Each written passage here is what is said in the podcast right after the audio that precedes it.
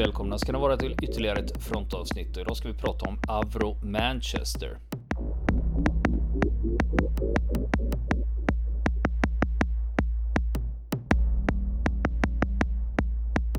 Ja du Niklas. Ja, jag tänkte, alltså det finns ju många flygplan och andra vapenkonstruktioner i krigshistorien som har varit väldigt lyckade och som har blivit helt legendariska. Jag tänker till exempel på Tigerstridsvagnen eller, eller eh, Spitfire. Spitfire och så vidare. Ja, Men ja. det jag går igång på personligen mer är nog de där grejerna som var ganska usla eller i bästa fall medelbra där man var tvungen att liksom kämpa för att få det här att överhuvudtaget fungera och liksom anpassa på olika sätt där liksom, eh, där liksom soldaterna eh, fick eh, ja, där, man, där man placerar undermåliga, undermålig utrustning, undermålig krigsmateriel i händerna på dem för att lösa svåra uppgifter med. Det tycker jag är nästan intressantare än just de, de eh, mest kända framgångskoncepten. Måste jag säga. Och eh, vi, vi, har ju snackat lite grann tidigare om eh, i förbigående sådär om usla flygplan. Till exempel, eh, kommer du ihåg vi pratade om Buffalo Brewster? För en massa ja, avsnitt det, sedan. Det var lite kontroversiellt. Ja, det blev en ma himla massa diskussioner kring det där. Så fort du säger att något är, något är världens sämsta, ja. då blir det ju, då reagerar ju folk. Va? Det är ju klart att antingen att de inte tycker att det planet är det sämsta eller att eh, det är inte så dåligt som du ger sken av eller att det finns andra som är sämre. Ja, eller att vi helt enkelt bara är dumma i huvudet eller någonting. Och, och det, var, det, var, det var en lyssnare, kommer jag ihåg, eh, som han blev, han blev så upprörd att han aldrig skulle lyssna på fronten mer för att jag, jag hade utnämnt eh, Buffalo Brewster till ett riktigt uselt jaktplan, kanske ett av de sämsta under andra världskriget. Och eh, det, var, det var faktiskt det, det var riktigt uselt, men den, den finländska flygvapnet lyckades eh, modifiera och eh, justera och tweaka det här till att eh, det fick hyfsade prestanda i, i den stridsmiljö som man verkade i gentemot det röda flygvapnet under, under andra världskriget. Och, och man följaktligen då kunde få fram flygares då som var, var riktigt duktiga på de här planen.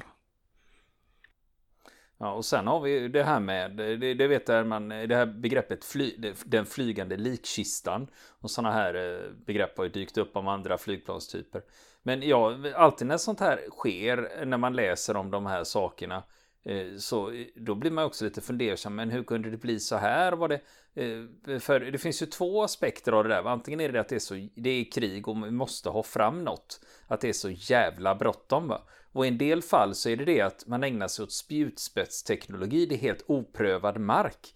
Att det finns inga, nu ska vi bygga något som är bättre, men vad är det vi har att gå, gå på då? Och det är helt nytänk eh, på området också som gör att ja, det finns ingenting du kan jämföra med. Det finns inga andra erfarenheter som du kan använda för att lösa barnsjukdomarna som oundvikligen uppstår då i, i det här. Sånt är ju vanligt också. Och, och, i det här fallet, eh, jag hade tänkt att eh, lite då och då göra lite nedslag eh, framöver då när det just gäller världens sämsta stridsflygplan. Olika kategorier, olika modeller, olika eror. Och, blir det en topplista eller? Ja, kanske. Vi kan ranka dem efteråt kan vi göra, men nu blir det lite, lite inspel från olika liksom, eh, olika bidrag då från olika håll. Och det, just nu så tänkte jag vi ska ägna oss åt ett brittiskt bombplan som heter Avro Manchester. Och det är lite lustigt med Avro Manchester på det sättet att eh, när du ser en bild som hastigast av det här planet så tror du att du ser en Lancaster det mest berömda brittiska bombplanet från andra världskriget. Och det har sin förklaring. För att det här var för den direkta föregångaren till Lancaster. Och den stora skillnaden, det finns flera andra också i utseendet om man är riktigt flygnörd och vet vad man ska titta efter. Men den stora skillnaden är att eh, Manchester hade två motorer medan Lancaster hade fyra. Eh, men annars så, så är de eh, otroligt lika, vilket beror på att det är i princip samma flygkropp som användes eh, i de här planen då. Fast Avro, Avro Manchester var den första och den, den användes i början av, av kriget av RAFs Bomber Command. Och var en inte särskilt lyckad konstruktion av, eh, av några anledningar som jag ska strax, eh, strax återkomma till. Då. Men, men om man ska börja någonstans så kan man ju börja med själva flygtillverkaren då. Avro, det är flygfabriken. Och den låg i Manchester. Och den var döpt efter en flygkonstruktör som hette Elliot Verdon Rowe. Avro, alltså Eh, han och hans, eh, hans bror Humphrey, de hade tillverkat eh, flygplan sedan 1910. Och i mitten av 30-talet så övergick ehm, den här bolaget Avro i ett annat flygbolags ägo. det var ett konsortium som hette Hawker Siddeley. Och Hawker Siddeley, det kanske inte säger så mycket, men vet du vilken deras mest kända kärra var på 30-talet? Och Silly. Nej, senare produkter känner mm. jag till, men inte 30-talet. Ja, slutet 30-talet kan vi säga. Hawker Hurricane. Jaktplanet. Ja, uh, mm. ja okej. Okay. Ja, det var då, mm. Ja, för jag trodde, jag trodde att det kom senare. Ja, ja det kom ju lagom U till... Under kriget alltså? Ja, det kom ju lagom till först, andra världskriget gjorde det. Utvecklades i slutet av 30-talet. Eh, så att där någonstans är vi. Eh, och i mitten av 30-talet så får, eh, så får eh, Eh, Eh, så lägger det brittiska flygministeriet ut anbud till olika flygtillverkare på att vi vill ha ett tvåmotorigt medeltungt bombplan som ska kunna flyga längre och ta en större bomblast än de eh, då existerande medeltunga bombplanen då som heter Vickers Wellington och Whitley. Eh, och Hampton. De skulle alltså ersätta de här, lite, de här flygmodellerna som började bli lite föråldrade och utkonkurreras eh, av eh, andra eh, modeller hos, eh, hos eh, de tänkta fiendemakterna. Eh, det skulle också ha tillräckligt stort bombrum så att man skulle kunna utrusta det med två torpeder också. Dessutom så skulle man kunna störtbomba med det här bombplanet. Inte som en Stuka då, men från en betydligt lägre vinkel. Men det skulle ändå vara möjligt. Kanske få 30 graders eh, vinkel och göra eh, störtbombsangrepp. Det var vad flygministeriet i Storbritannien hade tänkt sig. Det var det de ville ha.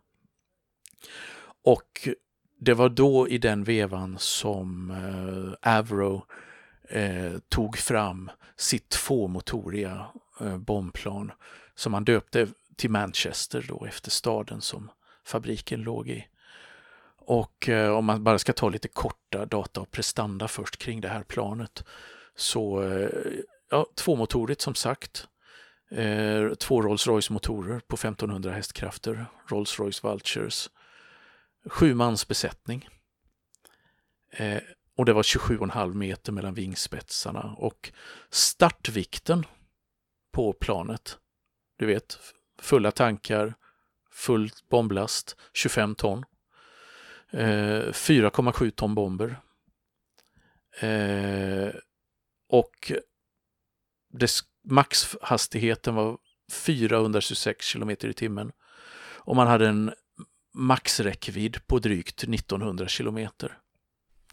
Eh, Men ändå, jag tänker på mm. det här med den här vikten som vi pratar om. Ja. Och ändå pratar man om att ja, störtbombare har det varit trevligt. Ja, och, visst. Ja. och så ett konventionellt bombplan och så lite torpeder. Och, Ja, och det här var ju, det här var ju, bri- det här var ju britterna, precis, britterna var ju inte ensamma om det här på 30-talet. Man hade en massa konstiga idéer om, eh, på den tiden så var eh, bombplanet var ju den då förhärskande flygplanet i flygstrategernas hjärnor på 30-talet.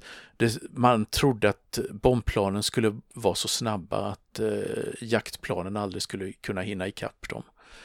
Det visade sig direkt att kriget började att det där var ju bara en rent nys. Var det ju att de var ju sittande fåglar utan flygeskort. Eh, Men du, en fråga, Mm. en fråga där. Eh, För jag tänker i Mm. eh, upptakten till andra världskriget Ja. hade man också span spanska inbördeskriget Ja, där man använde det. bombplan. Jajamän. Och det kan ju vara som en förlaga, liksom att man testkör lite taktik och sånt. Ja, det var ju exakt, det var precis vad man gjorde. Det var både vad, vad Tyskland och Sovjetunionen gjorde, att man använde det här, använde Spanien och spanska inbördeskriget som en eh, test, eh, testing ground, alltså eh, testlabb för, eh, för sina senaste modeller, både av stridsvagnar och stridsflygplan. Så det gjorde man. Det gjorde man. Eh, och eh, även tyska flygvapnet hade på 30-talet, slutet av 30-talet samma idéer att ja, vi vill ha ett bombplan som både ska kunna bomba på ett ja, traditionellt sätt men också fungera som en störtbombplan. Och det, det planet heter Heinkel 177 och det led och kom också att leda, lida av en massa eh, konstruktions ja, barnsjukdomar och svagheter och i det fallet så, så eh, tog det så lång tid innan det kom ut från ritbordet och från eh, testversionerna till förbanden att då hade kriget, då var Tyskland redan på väg att förlora kriget. Men eh, eh britterna var som sagt snabbare i, i RAF här och producerade flera, flera olika typer eh, på löpande band som var mer eller mindre lyckade. Eh, där man försökte uppfylla de här specifikationerna då. Och jag glömde säga att beväpningen då på planet på en Manchester den bestod av åtta Browning kulsprutor, 7,7 mm. Du hade två i ett torn i nosen, två på ett torn i, på ryggen och fyra kulsprutor hos akterskytten. Och så långt var allt gott och väl. Det var imponerande på pappret i början av kriget. Och man kan säga om man ska jämföra med Tysklands främsta bombplan, det flitigast använda på pappret då, jämförelsen i eh, början av kriget, då är det Heinkel 111 vi pratar om, så är det en betydligt mindre kärra än vad, eh, än vad Manchester är då. Eh, också tvåmotorigt, men med betydligt svagare eh, Daimler-Benz eller Junkers Jumo-motorer, alltså de var på 11-1200 hästkrafter i det här fallet. Då. Eh, Det fanns ju betydligt fler versioner av Heinkel 111 så det går alltid att hitta. Ja, men det stämmer, den versionen var en, hade större, större motorkraft eller den versionen hade tyngre beväpning eller den versionen hade, hade eh, möjlighet att ta en större bomblast och så vidare och så vidare. Eh, men för att hitta något slags genomsnitt här av de tidigaste versionerna så man hade mindre besättning, femman, eh, Det var mindre eh, spännvidd mellan vingspetsarna, man hade inte lika stor bäryta då på dem. Det var 22 meter mot, mot 27 på Manchester. Och startvikten var 14 ton jämfört med 25 ton. Och max då var 3 ton bomber jämfört med, med nästan 5 ton på Manchester. Men är en sak som eh, jag eh, tänker direkt här. För Heinkel 111 är ju känd. Och Avro Manchester har jag aldrig hört talas om. Men det beror på att Heinken 111 var ju en lyckad konstruktion fast det var en betydligt mindre flygplan.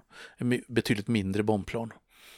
Eh, och den blev ju också föråldrad under kriget men den användes som en arbetshäst Eh, under större delen av andra världskriget av Luftwaffe även efter att den egentligen hade spelat ut sin roll och var eh, liksom eh, utkonkurrerad. Och det, det var ju ett av eh, det var ju det här att tyskarna fick aldrig i tid fram några större bombplan som kunde, man kunde använda för strategiskt bombkrig.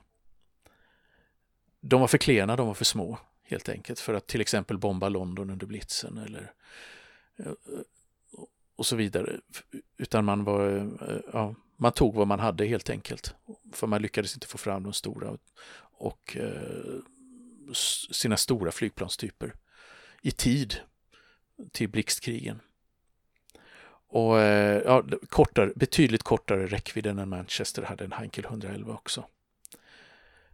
Så där stod man i alla fall. Eh, på pappret såg det, såg det bra ut. Och för att, för att kunna flytta de här 25 tonnen med två motorer på Manchester så behövde man starkare motorer än vad som fanns på den brittiska marknaden vid det här laget. Rolls-Royce Merlin var den bästa flygmotorn vid den här tiden men den var alldeles för svag för att kunna förflytta ett eh, plan av Manchesters storlek. Och dessutom så var de här motorerna, Merlin-motorerna, tingade av Fighter Command, alltså det, det brittiska jaktvapnet. För de tilldelades Hurricane och Spitfire-planen istället. De hade prio för dem. Så att man tittade sig omkring på marknaden, ja, för då måste vi ha någonting annat. Och då hittade man en annan version motorversion av Rolls-Royce-fabriken som var under utveckling. Den fanns ännu inte färdig. Och det var en 24-cylindrig motor som eh, var under konstruktion som kom att döpas till Rolls-Royce Vulture, alltså gamen då. Och det är en så kallad X-motor. Vad är en X-motor? Vet du det?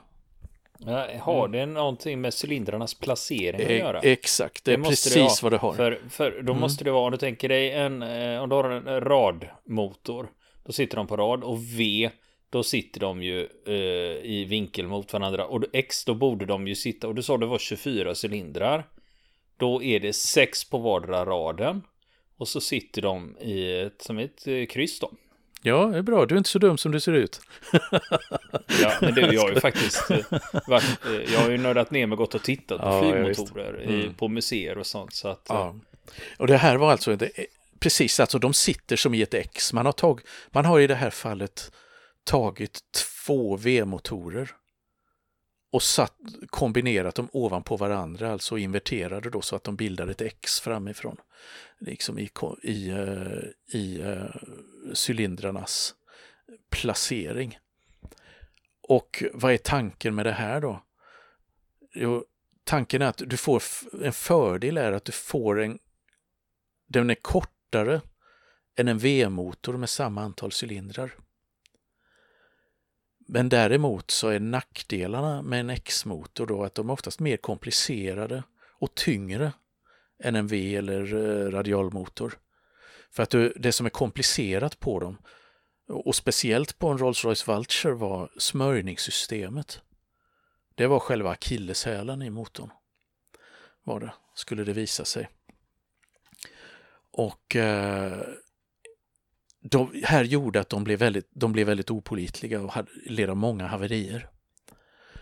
Och eh, det visade sig tidigt under motortesterna med de första eh, Vulture-motorerna som Rolls-Royce gjorde på i slutet av 30-talet att eh, här finns det mycket problem som måste lösas.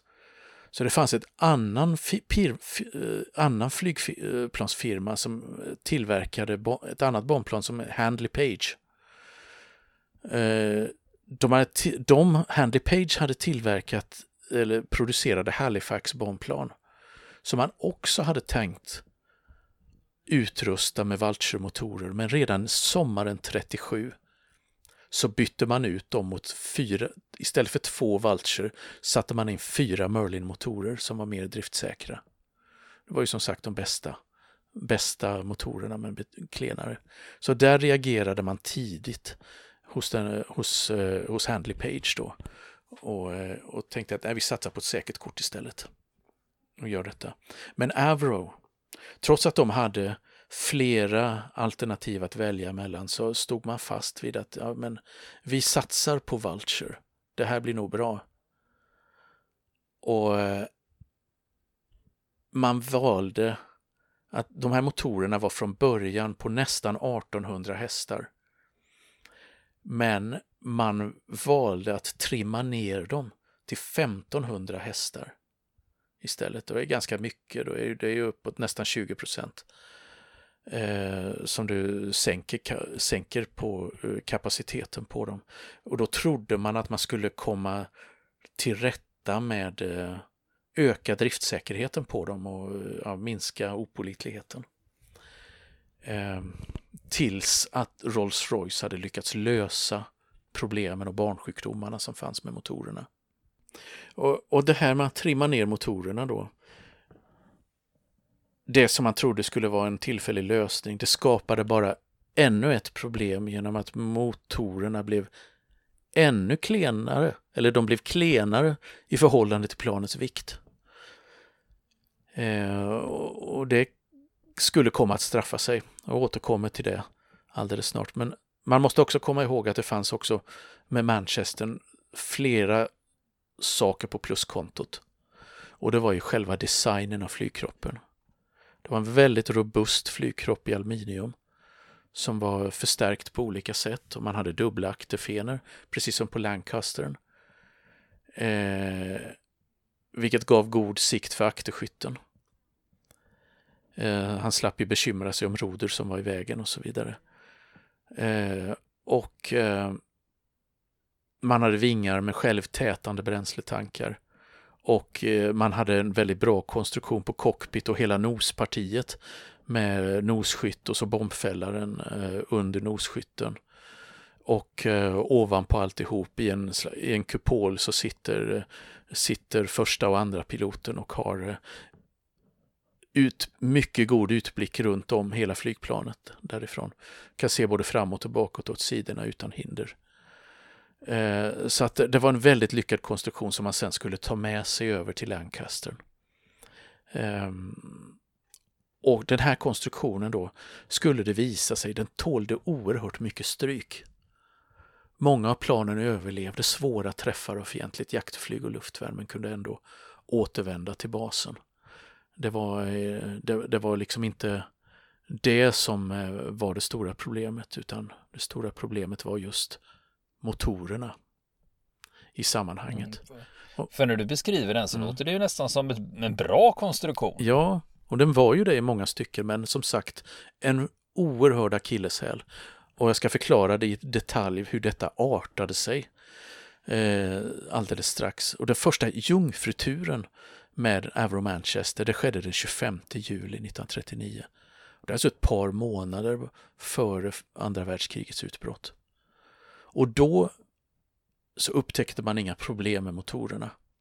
De uppförde sig okej, okay, men planet var svårstyrt och hade en enormt lång startsträcka även utan bomblast och vapen.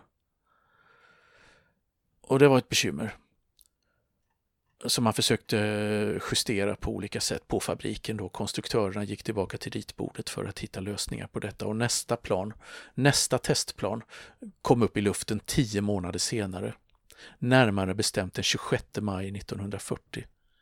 Och det där är ju precis när, eh, när eh, Dunkirk pågår i Frankrike, så det är en oerhört dramatisk tid i brittisk historia Eh, krigshistoria. Och fortfarande så visade visar det sig då att nej, styrningen av planet, kontrollerna, inte så jäkla bra. Men man har lyckats i alla fall korta startsträckan ordentligt. Och eh, då ska man veta att innan någon av dessa prototyper ens var i luften för testflygningar så hade flygministeriet redan gjort en beställning på 200 plan. Så förväntningarna var höga. Kriget var på gång. Royal Air Force skulle expandera kraftigt och även moderniseras. Man skulle ha det senaste, man skulle ha det bästa. Och mycket gick direkt från ritbordet till produktion. Så man skippade en rad mellanliggande tester eftersom det var krig och det var bråttom. Och det skulle ju straffa sig ordentligt. Och eh, redan före liksom, eh, liksom fabrikstester och god, typgodkännande och så vidare så började de första exemplaren levereras till RAF i augusti, början av augusti 1940. Och då är vi mitt uppe i slaget om Storbritannien. Och de levereras då de första planen till RAFs testflygplats som heter Boscombe Down och ligger vid, eh, vid Amesbury i, eh, i England. Och eh, här så testas de i alla fall, de första planen, så, så gott det går då. Och, eh, eh, för att man ska hitta fel och svagheter i dem och se vad, vad pallar de med egentligen. Och i november 1940 så går den officiellt i tjänst. Och det här är mitt under blitzen. Alltså det tyska bombkriget mot eh, brittiska städer. Och eh, den, tas, den första förbandet som den tas i tjänst i är den 207 eh, Squadron. Alltså det är en del av Bomber Command. En, eh, bomb, en squadron motsvarar mellan 12 och 20 plan och 200 man i RAF vid den här tiden. Så 207 Squadron är den första förbandet som får, som får de här och som flyger de första stridsuppdragen från sin bas i Waddington som ligger i mellersta England. Och första stridsuppdraget med Manchester det sker i natten eh, till den 25 februari 41 mot tyska örlogsfartyg som ligger i hamnen i franska Brest. Och det är ett 50-tal brittiska bombplan varav sex är Manchesters som deltar. Alla klarar sig dit och alla klarar sig hem. Inga problem så långt. Och fler plan håller hela tiden på att rullas ut från fabriken. Avro-fabriken då.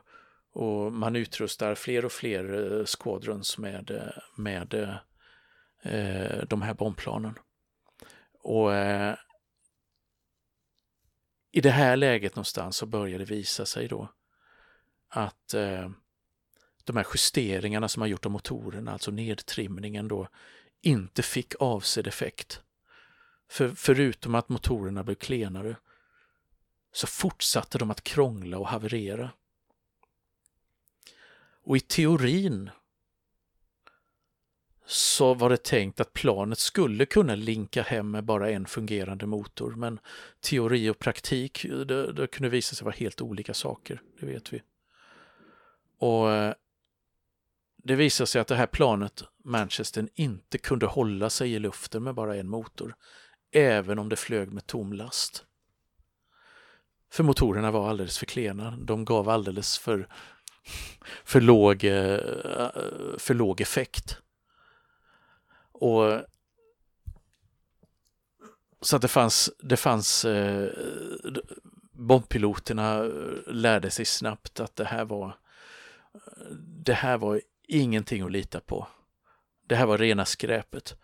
Och en veteran på Manchester och, det, i, och i Bomber Commanden, löjtnant Mike Lewis, som var en av de allra första Manchester-piloterna. Han dömde ut planet totalt. Han, han berättade senare efter kriget att det här, det, Manchester det var en katastrof. Själva flygplanet, flygkroppen alltså, hade många brister i början. Men det visade sig att Avro var duktiga på att göra modifieringar och bygga om planet. Men motorerna var aldrig och blev aldrig pålitliga. De gav inte tillräckligt med kraft för planet, så vi hade två extremt opolitliga motorer